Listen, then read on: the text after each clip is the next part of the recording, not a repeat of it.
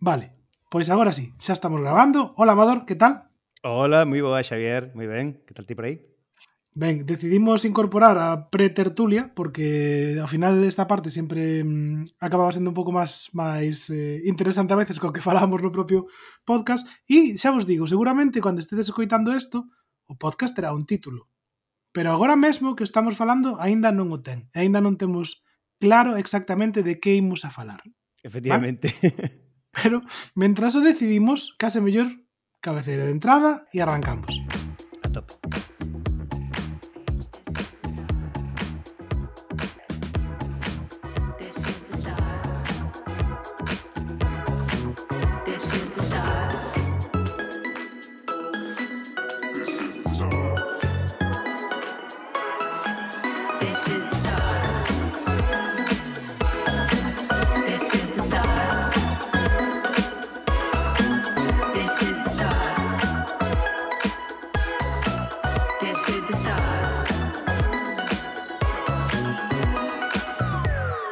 Ben, Amador, que tal? Como estás? Eh, aquí estamos ben. os dous co, co pelo cortado, nadie nos ve, pero temos que dicir os guapos que estamos. Efectivamente, claro, jo. Aparte que ahora que ven o frío, pois pues que é mellor momento que cortar ben, deixarse ben rapadiño, non? Ai, a, a mí eso recorda os meus tempos novos cando cando vivía eh, nas profundidades de Ourense, o frío que facía no inverno cando iba a coller o autobús de camiño ao cole ou instituto. Caramba, con temperaturas baixo cero que jo, sí, fala de, do sur de Ourense e falase do calor e todo iso que efectivamente, pero no inverno tamén lle pega de carai. Sí, sí, o inverno era, era importante. Además, nestas alturas do ano había unha, unhas boas xeadas xa tamén.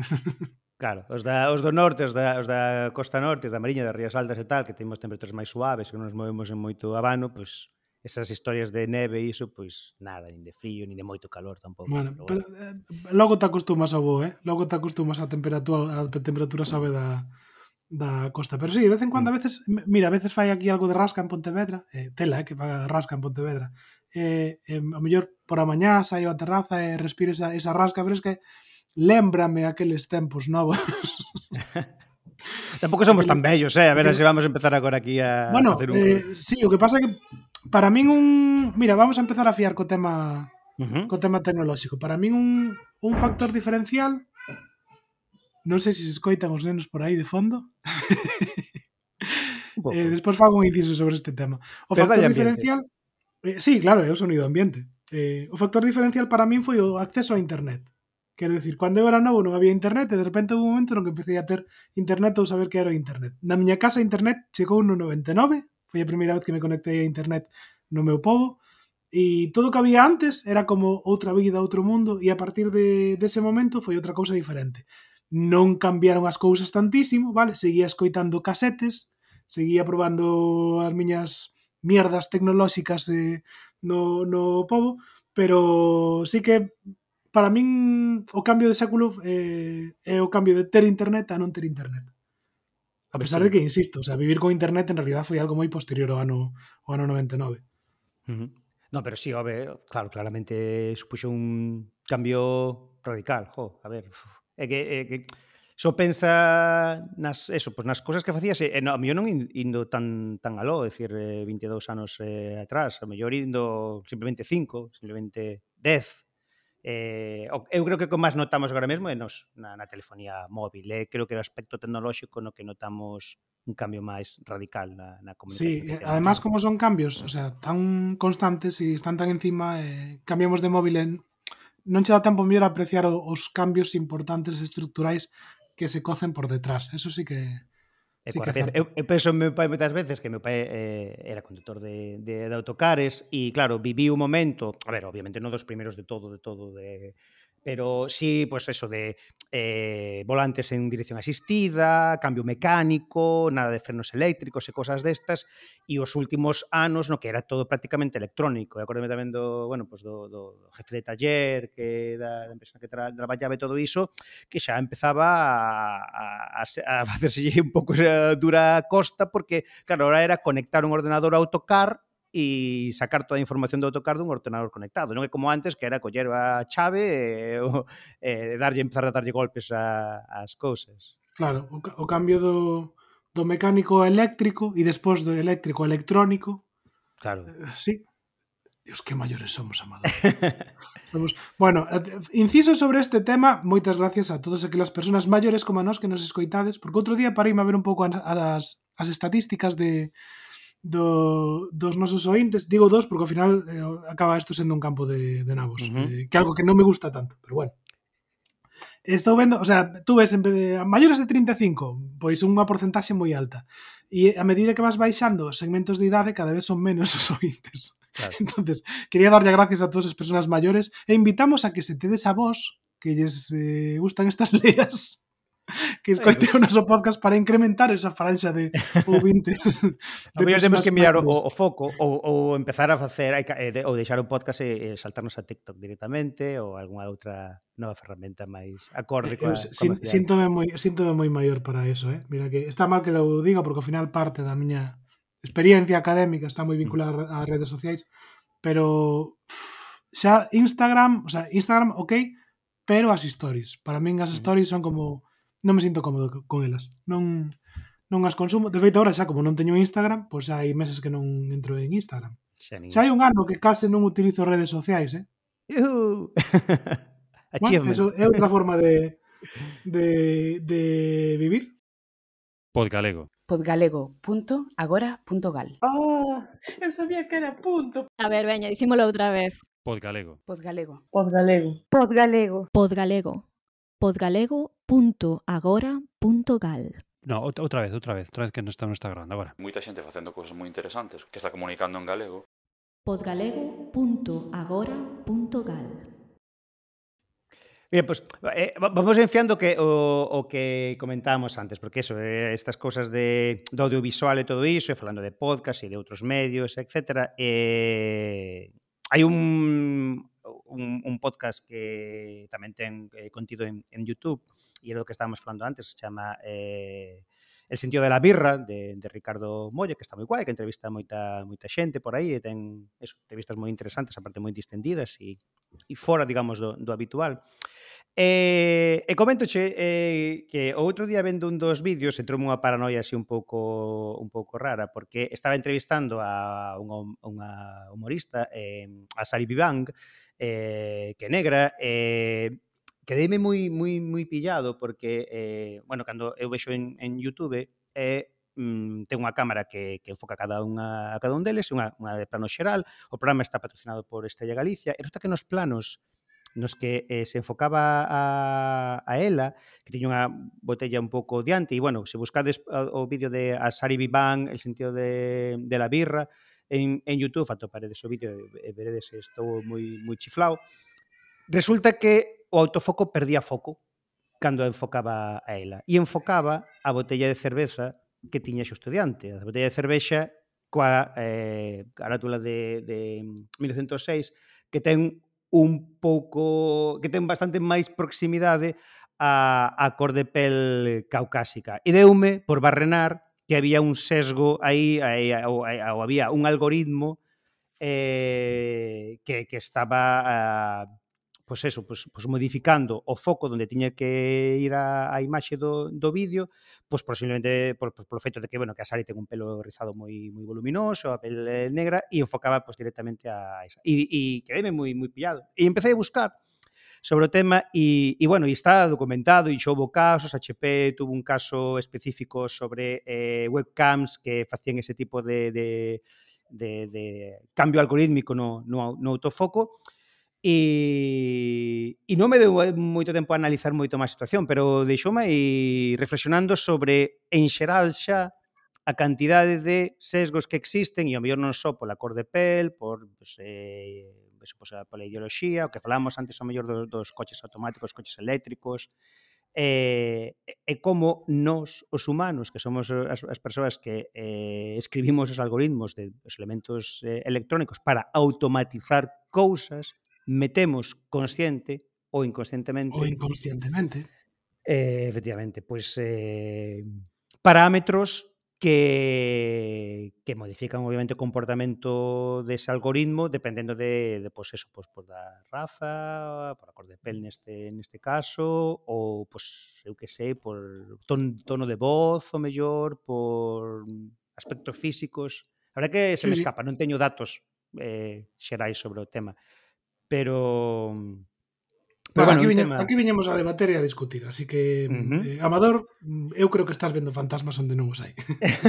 pode ser, no, pode ver, ser. O, o, caso, o caso que comentas en concreto, no caso que comentas en concreto, quero decir, eh, esa, esa realización que, que se fai con tres cámaras é unha realización multicámara que, bueno, chamos allí plano contra plano desde o plano xeral para que se ve todo o escenario e despois unha cámara que enfoca cada un deles onde se, que se vai pasando cada vez que fala un ou outro normalmente, normalmente se utilizan cámaras, eu entendo que non son webcams, que eran cámaras, eh, pois o mellor son cámaras destas de fotos, unha Sony xa máis potente, normalmente o que se deixa é o autofocus posto, e cando se fai foco, despois fíxase, porque esa cámara non move o plano nunca máis, ou move moi pouquiño, reencuadra moi pouquiño, no mellor dos casos. Eu creo que se lles foi a pinza, deixaron o, o autofocus posto, e a cámara ao mellor, pois por, igual por o patrón de luz que tiña, ou, ou o que diste que a mellor ela se movía un pouco e de repente pois estaba o fondo enfocado ou o patrocinador eh, eh, que non vamos a falar de certa estrella de certo país, non? que era patrocinador, pois eh, seguía estando na mesma posición e causa algún tipo de conflicto. En ese caso en concreto sí que creo que pode ser que houbera fantasmas onde non os hai, insisto. Dito isto, dito isto, sí que coincido plenamente contigo en que quizás un dos debates máis interesantes e máis importantes que temos que afrontar na actualidade como sociedade é eh, un pensamento crítico, o sea, abordar a, a, o todo este tema algorítmico desde unha perspectiva crítica que a sociedade sexa máis consciente, consciente, perdón, de, de hasta que punto estamos nas mans de algoritmos, de que os algoritmos non son neutrais, porque precisamente que nos crea tampouco é neutral. E o que acabas de dicir ti, Amador, que cando alguén escribe unha serie de regras para efectuar unha serie de tarefas, seguramente o fai coa mellor das intencións, pero é probable que puntualmente este introducindo algún tipo de nesgo eh, que neste caso pode ser pois de, de non sei, non diría de raza, pero mellor si de, de etnia. E casos casos hai moitos. Eu estaba me acordando de algo moi simple que pasara con Twitter, por exemplo Acordaste que cando que Twitter ten un utiliza moitos algoritmos, un o de uh -huh. o de priorizar contido, por exemplo. Un dos que ten aplicado a información visual, as fotografías, é que na previsualización que amosa das fotos ou dos tweets eh, aplica un recoñecemento dos sectos na imaxe e prioriza certos obxectos por encima de outros. Entonces, houve alguén que dixo, ah, vale, se tú pasas unha fotografía que é moi larga e con unha cara arriba e unha cara abaixo, Qual é a cara que aparece na, previs na previsualización? Porque non poden aparecer as dúas.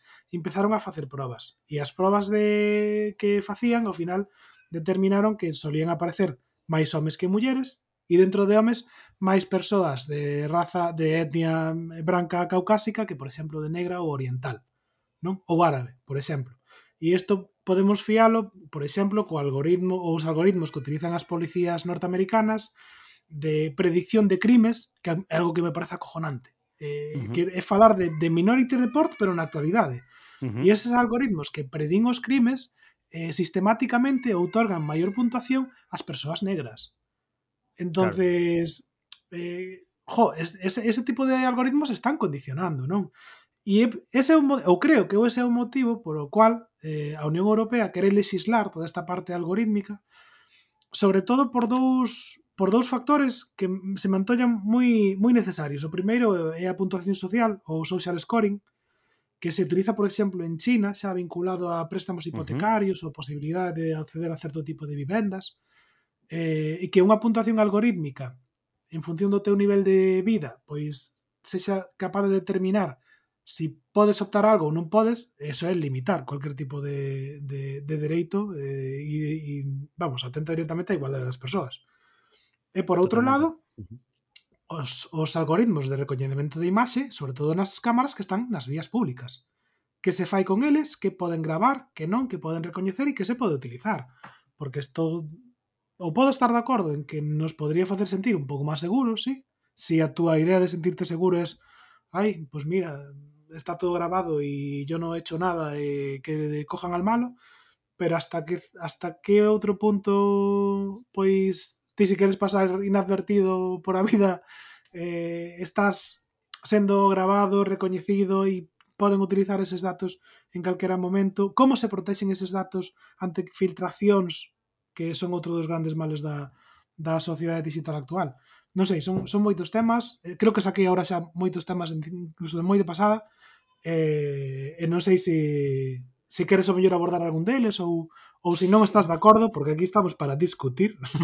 Sí, a ver, eu co da legislación uf, teño, a ver, Claro, legislar está moi ben cando non hai ao mellor un traballo previo. Eu casi prefería ao mellor pois ter unha especie de como, como, pois, como de código de antolóxico pois a hora de eh, facer software, eh, a hora de crear algoritmos, eh, sobre todo nos, nos sistemas que está comentamos agora de automatizar eh, toda esta parte de machine learning, eh, artificial intelligence e todas as historias nas que moitas veces eso, se fai un trato masivo de datos, se aplican eh, eh, sesgos e temos por unha parte, pois que datos estamos proporcionando, é dicir, xa estamos preseleccionando unha serie de datos en particular, debemos proporcionar datos eh, eh, xerais, eh, o que comentabas antes, por exemplo, pois da, eh, da policía e da, das cámaras e da, e da determinación de riscos en determinadas zonas de en, e barrios en, en Estados Unidos, que claro, se ti estás proporcionando que e ponderas maior posibilidades de que haxa riscos de eh, problemas en barrios nos que vive xente con determinada eh, cor de pel ou con determinados ingresos ou con determinado entorno de traballos asociados ao redor, etcétera, etcétera, pues claro, des, os algoritmos cos datos que lle das sacan o que sacan. Entonces, por unha parte están os datos que metemos, por outra parte está como se xestionan esos datos e tratar de, de facelos un pouco máis como, pues eso, pues asépticos nese sentido, E claro, ao final está a legislación, é dicir, se si toda esa parte non se fai, pois pues, entonces temos la, te, alguén ten que estar vixiando, digamos, medianamente, e dicir, oi, cuidadiño co que está pasando aquí, e poñer certo control sobre sobre as cousas. Este, este día tamén, onte, eh, de feito, falaba ta, eh, no, dun do, do outros dos eh, podcast de eh, de Podgalego, nas Gomas Planers, eh, estaban falando de, de Tinder, e non teño que, que experiencia sobre o tema, pero estou me curioso que comentaban eh, non sei se era Ascárida ou Sauridiña, que eh, a hora de facer eh, matches, etc., con eh, independencia de que tipo xeras, e desculpa se non estou exactamente citando que, o que comentaban, eh, o tipo de, de, de, de, de, de gustos sexuais, digamos, que, que tiveses, eh, etc., que proporcionaba máis cantidade en xeral de homes que de mulleres, incluso se, pois pues eso, se dicías que eras bisexual, eh, no, no, no, no te perfil de, de usuario. Que era unha cousa que era un pouco extraña, incluso de, determinando que ao mellor facías ou intentabas facer máis matches con, con, con mulleres que, con, que con homes, ainda así o sistema seguía che proporcionando máis homes que, que mulleres, non? Como se e, non pode ser por, non, o sea, descoñezo obviamente eh, sei como funciona, pero non teño experiencia tampouco sobre sobre o, o mm, experiencia real sobre o funcionamento da, da rede. Pero non pode ser porque a base de datos de homes sexa moi superior á base de datos de mulleres. Pode ser. Eso é un dos temas que tamén se comentaban no, no podcast. Recomendo vos pois, que pois, vos posedes por ali e que tedes unha, unha escoita porque se comentaba esa, esa parte que mellor claro é que mm, no entorno no que estás pois eh, a estatística é a que os, é a, é a cantidade de de persoas disponibles, digamos, pois son as que as que son. Podría, podría ser, obviamente.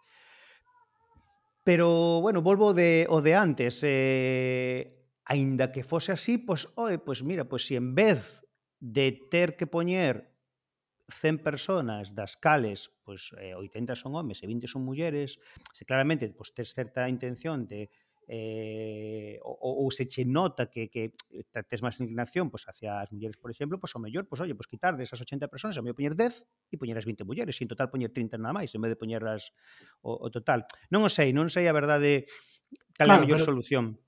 Reencauzando o tema, por onde o sacaches ti, uh -huh. porque parece un tema importante. Eh, código deontolóxico sí, pero regulación non. No, o sea, no, tú, eu, por, por, por o que me dis, non acabas de ver moi claro que necesitemos unha regulamentación eh, por parte dos poderes do Estado, non? Por así decirlo. Home, necesitamos confías, al final con... todo falla. Claro, tú confías máis na boa fe. Sí, eu quero pensar na boa fe da humanidade. Vale, eh, que, da... Sí, pero eu, eu despois de todo o escándalo de... Non só, pero despois do de Cambridge Analytica, o sea, eu a boa fe coas tecnolóxicas perdí na, perdina por completo. Eh, mira, claro. outro exemplo máis. Uh -huh. Vouche poñer outro exemplo máis de, de, de un caso vinculado ao uso de, de algoritmos. Eh, demostrouse, vale, xa fehacientemente, que as ofertas de emprego de LinkedIn de altos directivos se amosaban moito máis a homes que a mulleres. Uh -huh. Plan, eh, eu non creo que non sea porque non hai mulleres preparadas ou non creo que non se porque non hai mulleres que demandan posicións de, de alta dirección en empresas.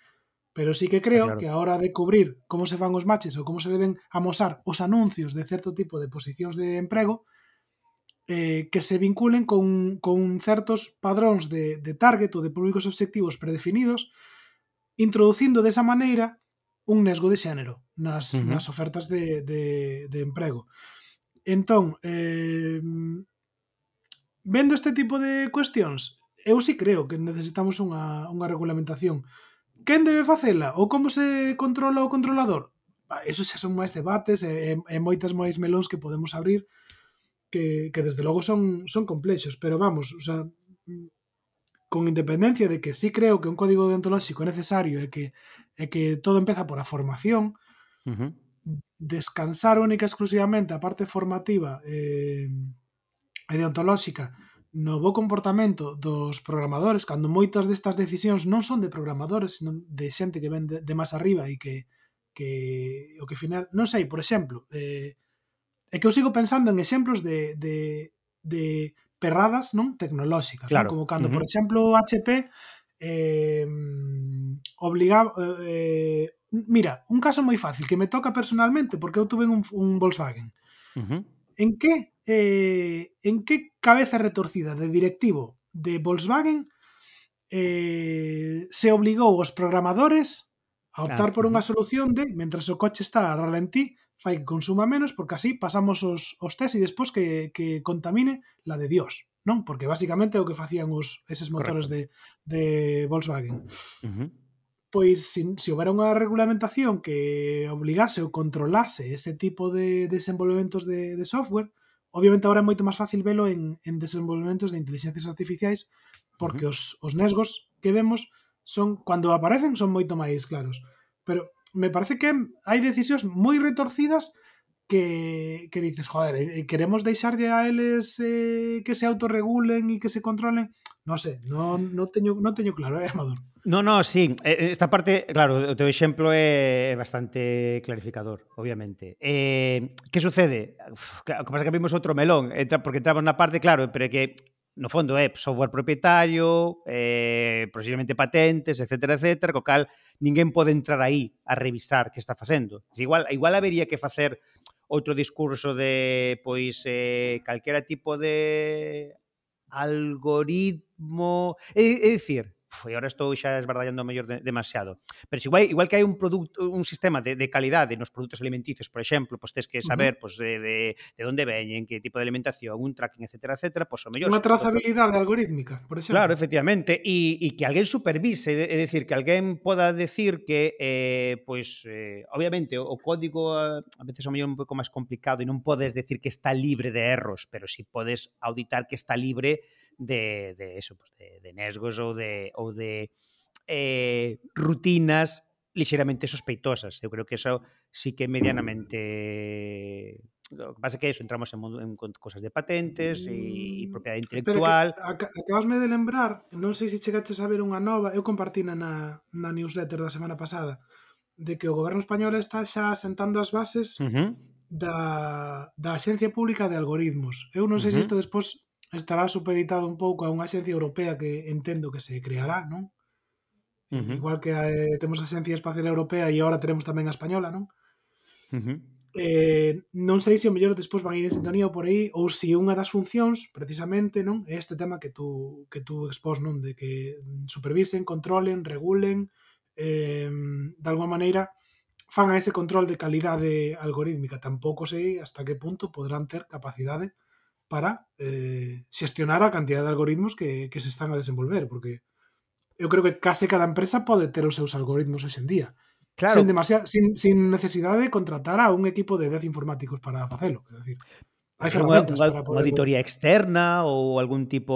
O MIT, por exemplo, estaba facendo, non sei como está agora mismo estado, foi moito tempo que non, que non o reviso, pero estaba traballando en esa parte co rollo de, dos algoritmos de inteligencia artificial para os coches autónomos e todo iso. E, e o feito de que tipo de algoritmos eh, e que tipo de decisións toma un coche autónomo cando se presenta pois, o feito de que vai haber un accidente inminente e ten que tomar sí. unha decisión o coche, ese tipo de cousas. Lem, lembrome da, da enquisa que se fixo eh, onde se pedía obviamente, o sea, ese algoritmo se estaba nutrindo ou esa recreación de algoritmo, mellor dito, se estaba uh -huh. nutrindo das decisións que tomaríamos os humanos. Entonces claro. creo que era algo así como era parecido á decisión do tren, non? De, de filosofía. Uh -huh que si, si mal non recordo era chegas a un semáforo e está, está en vermello para o peatón e en uh -huh. verde para ti, pero está cruzando o peatón, que faz? Paras, claro. non paras? Uh -huh. eh, era un pouco nesa liña. Si, si atropellas a unha persona, eh, a cual atropellas? A muller embarazada ou o señor maior? Uh -huh. Porque só podes atropellar... Tens que atropellar a unha e son dúas.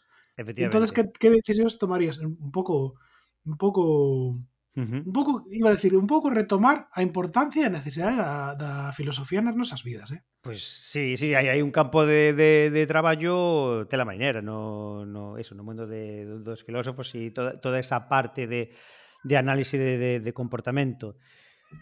Non sei, é un debate un debate complicado. A verdade é que é un debate complicado. Mm, eh, eu sigo pensando que eh, idealísticamente... Ah, a, a ti, o, que te está, o que te está distraendo son os meus nenos que andan por aí chillando. No, no, no. no bueno, ahora podo, está... podo facer un inciso e explicalo. Eh, uh -huh. Nos estamos en casa todos con COVID.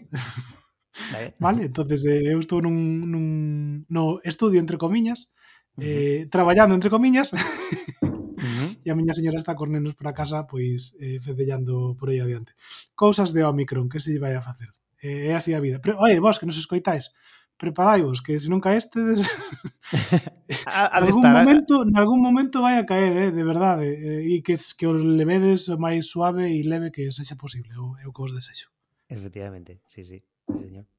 Pero mira, pero falando desto, por exemplo, eh, o, o, o micro que estás utilizando podería ter algún tipo de eh, reducción de, de sonido de fondo, digamos, de, de audios de, de fondo, e ao mellor non é capaz de discriminar entre eh, certos sonidos que a ti che interesa manter e certos sonidos que, que non, como podera ser a voz dos... dos claro, dos porque eh, é que o, o sentido do oído é, é maravilloso, eh? é maravilloso uh -huh. porque a maneira, para empezar, o, o sonido non é algo físico, físico é o ruido, pero uh -huh. o que nós escoitamos é unha percepción sonora. Entonces, claro. se construíse na cabeza eh, e non hai ningún aparato que sea capaz de construir o que nos construimos na cabeza porque todo o mundo é diferente. E, e deliberadamente ou sen ser deliberadamente hai moitos sonidos que nós non escoitamos pero un micro recollo, recollo todo.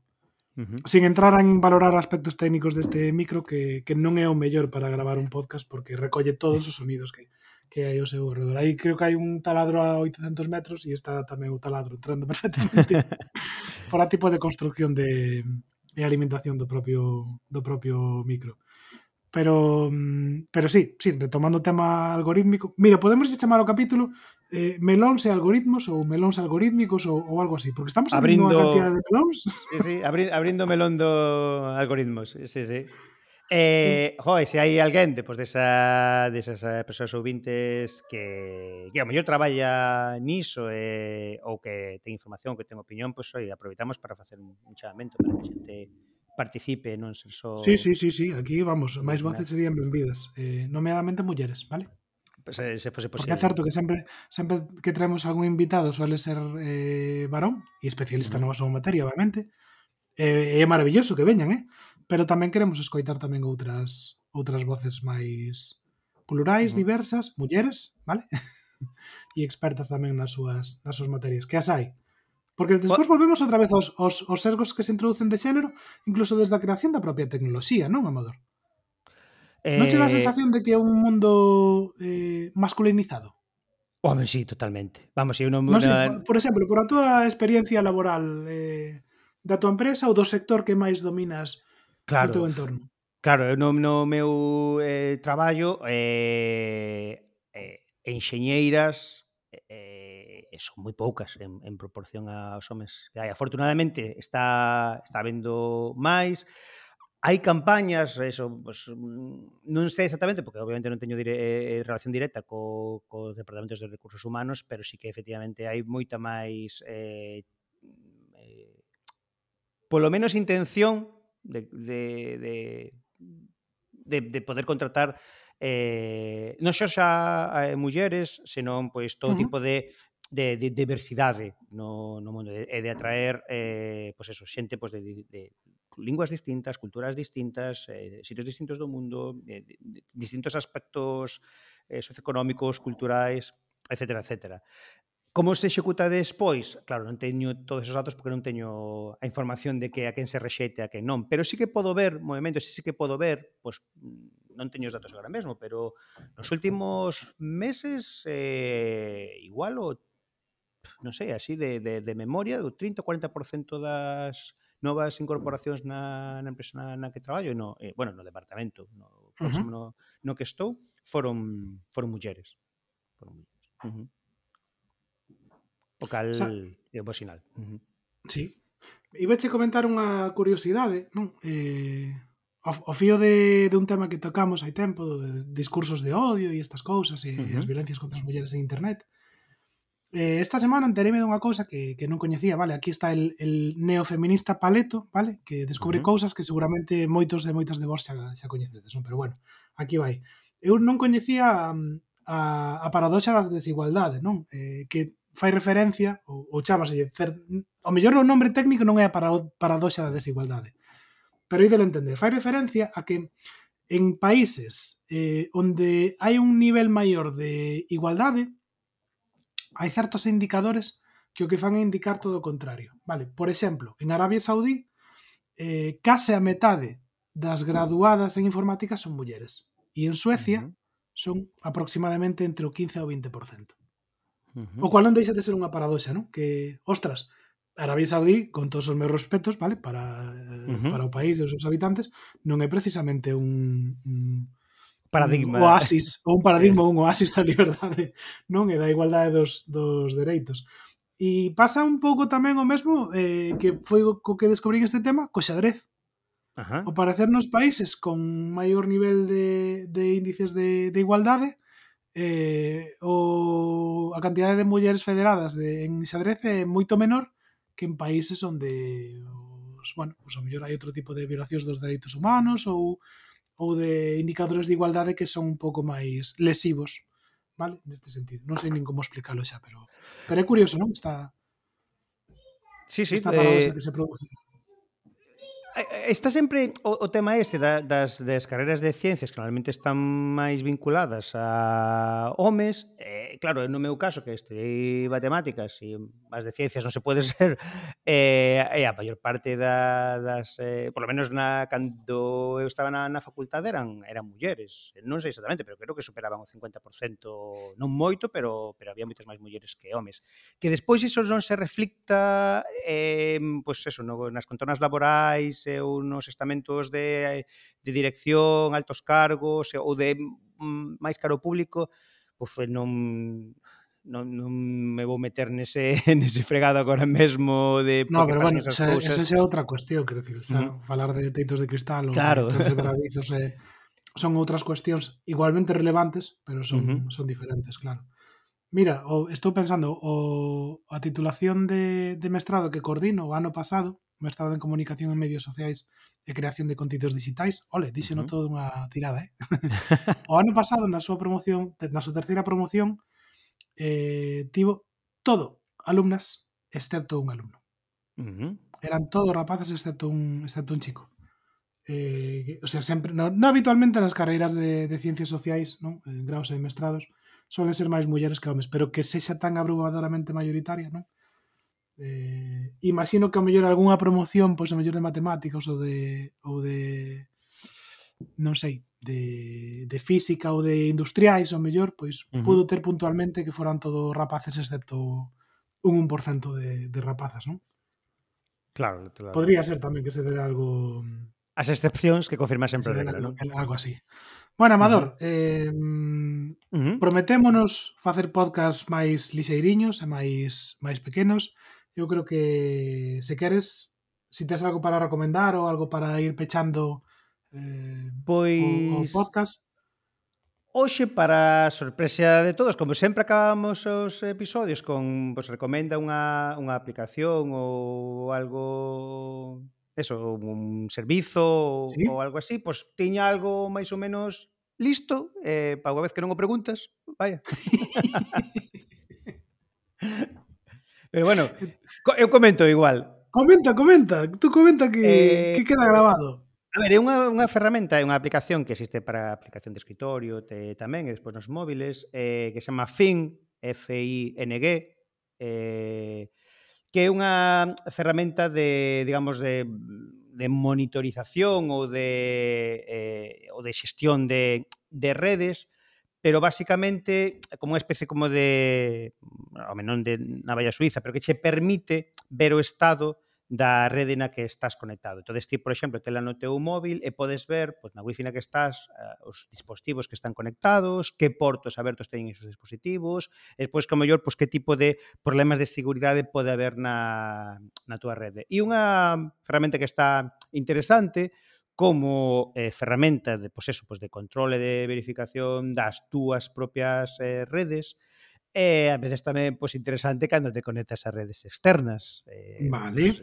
eh, queres eh, saber un pouco como está esa rede externa que te estás conectando, que tipo de dispositivos hai, que tipo de seguridade hai nos eh, routers que hai ali e que outras cousas eh, un pouco máis eh, eh, relacionados co mundo do hacking e, e esas historias. Non é unha ferramenta de hacking pura e dura, porque é unha ferramenta, pois, eso, bastante... Non ten cousas de en plan de, pois, ahora quero eh, saber eh, o password desta rede... Vale, non, é un, non é un wifi slacks ou cousas así no, para, no, no, no, para no. craquear as, no, pero está as moi... veciños. Pero está moi ben porque che permite eso, ter listados de dispositivos, facerche escaneos de portos eh, e todas esas cousas, incluso pois, pues, mediche a velocidade, se tes unha, unha na túa propia rede wifi, pois, pues, mediche a velocidade da, da rede na que estás, un montón de cousas que están bastante interesantes. Ben, ben.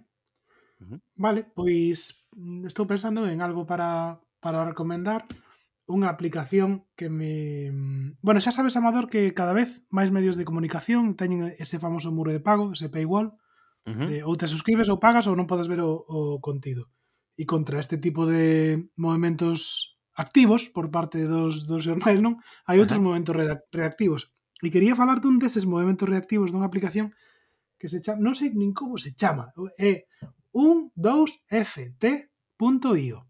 Ajá. Entendo que algo así como 12 eh, feet, pode ser como 12 pasos ou non sei, non, non sei como o, Pode como, ser. o, sea, o tema é escribides un 2 en números, eh, ft.io, uh -huh. e nesa web eh, eh, ten unha caixa para colar as eh, ligazóns, colades a ligazón do medio que non podedes ler e automáticamente cargavos o contido que se pode ler. E o funcionamento, vale, a aplicación é brillante, pero o funcionamento me parece ainda máis brillante, porque explica algo, algo así como eh, tú non podes ver o contido porque tens que suscribirte, pero ao mesmo tempo estes medios están loitando por clics e por un posicionamento, entonces ofrecen o contido eh, para que Google o indexe. Eu o único que fago, o creador do, do servizo, é que tú poidas ver o contido que ven os, os navegadores. Mm, vamos, basicamente algo algo así. Eh, resultame moi útil cando de vez en cando alguén comparte algunha ligazón de, pues, de algún medio que, que che exixe registrarte ou que tes que pagar unha suscripción para velo ou, como xa me pasa moito máis a miúdo, se tes un bloqueador de anuncios non podes Ujú. cargar o contido. Entonces, para Claro. sortear todo eso, en vez de pausar o bloqueador e tal, pues mira, pásalo por este servicio que se chama eh, 12fit ou algo así, ou 12ft.io Ujú. e vamos que me parece moi moi moi cómodo e moi chulo e gratis. Entonces aí perfecto. queda esta recomendación. Dentro de que recomendamos que a xente pois, eh, pois pague polos servizos que normalmente utilice e todo iso. Vamos a, a facer un disclaimer aquí pois, para cosas puntuais. É dicir, se non me quero suscribir a New York Times, e só quero ver un, ler un artigo, pois mira.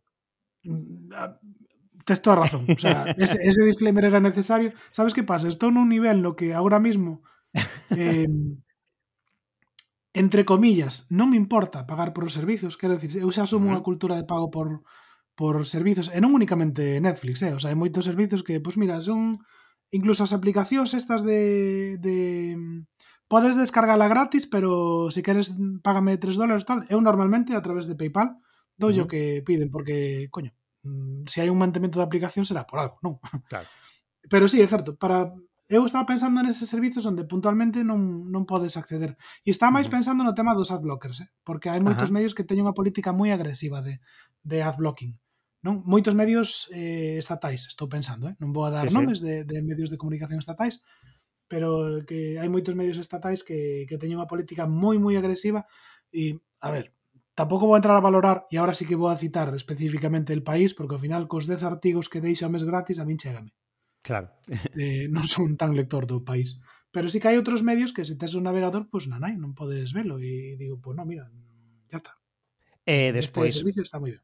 eh, tendo en conta moitas veces que se non bloqueas os anuncios, a veces moitas veces é como ilexible a, a página Sí, porque web. hai, hai moito, o sea, xa bastante nos chega co, co aviso das cookies, vale? Como para despois encima meter todos os o, a publicidade agresiva e a forma na que meten, porque de eso, mira, un día temos que falar deste tema, eh? porque uh -huh. hai eh, formatos publicitarios moi chulos, eh, moi novidosos, eh, e eh, cousas que realmente se están facendo ben, uh e é importante dignificar esta publicidade digital, o que pasa que, claro, sí que é certo que estamos convivindo con, con técnicas moi agresivas e, e puf, es, eh, eh, a veces fais un pouco duro defender non? esta parte de, ou estes modelos de, de negocio, sí que é certo.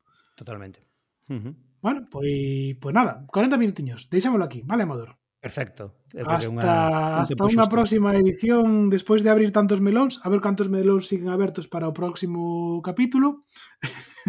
Ou abrimos y, máis. Ou abrimos máis, e máis é mellor, obviamente. Totalmente. Ata a semana que ven. Cuidade vos.